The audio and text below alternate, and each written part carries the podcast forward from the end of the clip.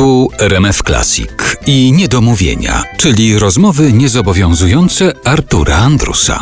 Grzegorz Turnał jest gościem niedomówień w RMF Classic i rozmawiamy głównie, bo to jest podstawowy powód naszego spotkania, o płycie, która właściwie w sklepach wirtualnych już jest, a w sklepach naziemnych pojawi się za kilka dni.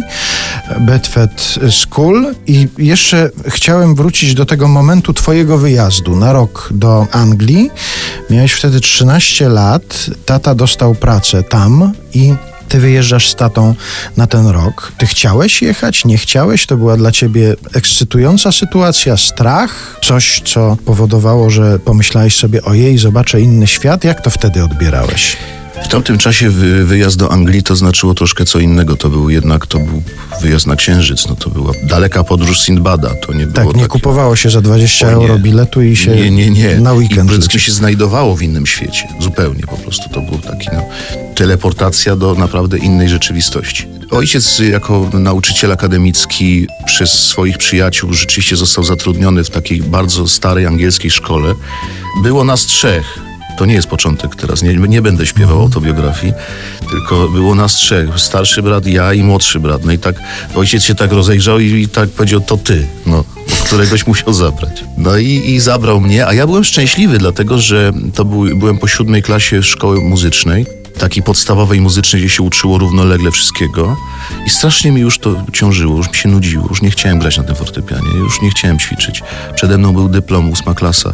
Y, już mi to wisiało nade mną jak chmura jakaś gradowa. I ta Anglia mnie właściwie tak uwolniła od tego. I ja wtedy myślałem, już nigdy więcej do fortepianu nie wrócę. Będę wreszcie wolnym człowiekiem. A tam siadałeś do i- pianina. No ale to właśnie przykład na to, że nauk jest rzeczą straszną. No, jak już raz się zaszczepiłeś tym czarno-białym przyjacielem, to nawet jak go nie lubiłeś z jakichś powodów, to on do ciebie wróci w innej formie. I za to jestem losowi wdzięczny, że mnie tak potraktował, bo gdybym został i robił dyplom i potem jeszcze nie daj Boże poszedł do liceum muzycznego, to na pewno bym już y, fortepianu nie lubił tak jak lubię dziś. Wróćmy do tego pierwszego momentu, do tego wyjazdu. Co zrobiło na tobie największe wrażenie? Pamiętasz jakiś taki pierwszy obrazek, który ci się kojarzy z przyjazdem tam, do Anglii, w tym 80 roku? Ja byłem zawsze jako dziecko bardzo, miałem wyostrzone zm- zmysły przez zapach. Wąchałem gazety, znasz to, no są ludzie, którzy to mają, czy książki. Odróżniałem przekrój po zapachu od płomyczka, no to były inne farby i tak dalej. Czy Echo Krakowa od Dziennika Polskiego, no wiedziałem, jak ojciec kładł gazetę na stole, to już wiedziałem, co, czy przyszedł z Echem, czy z Dziennikiem. I w związku z tym zapach i pamiętam zupełnie inny niż w Polsce zapach na stacji kolejowej. Tego się nie da opisać. To jest po prostu inny zapach świata, rzeczywistości, powietrza. Jabłka zielone. Nie było wtedy jeszcze u nas tych takich klasycznych właśnie, to co jest symbolem Beatlesów, to zielone jabłko. Takie twarde, y, mm, zielone jabłka. Tego w Polsce nie było takiego gatunku. I to pamiętam.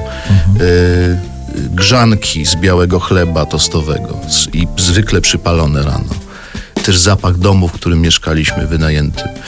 Zapachy, przede wszystkim takie rzeczy. No i, a już wiem, odkrycie nieistniejących wtedy, dzisiaj to się mówi na to chipsy, a w Anglii się mówi o crisps. Małe paczuszki z tymi ziemniaczanymi takimi chrupkami.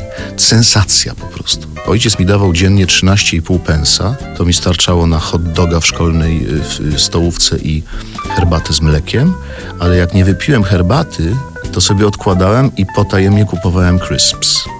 Więc jeżeli mnie o to py- pytasz, to, to to są moje zapachy i, i moje wspomnienia pierwsze z Anglii, a nie królowa Elżbieta. Potem pojechaliśmy oczywiście raz, drugi na wycieczkę do Londynu. Natomiast pierwsze prowincjonalne bardziej takie sprawy w Bedford to były takie drobiazgi. Najczęściej zapach, popatrz, teraz się sam na tym przyłapałem, że ja chyba jednak jestem węchowcem.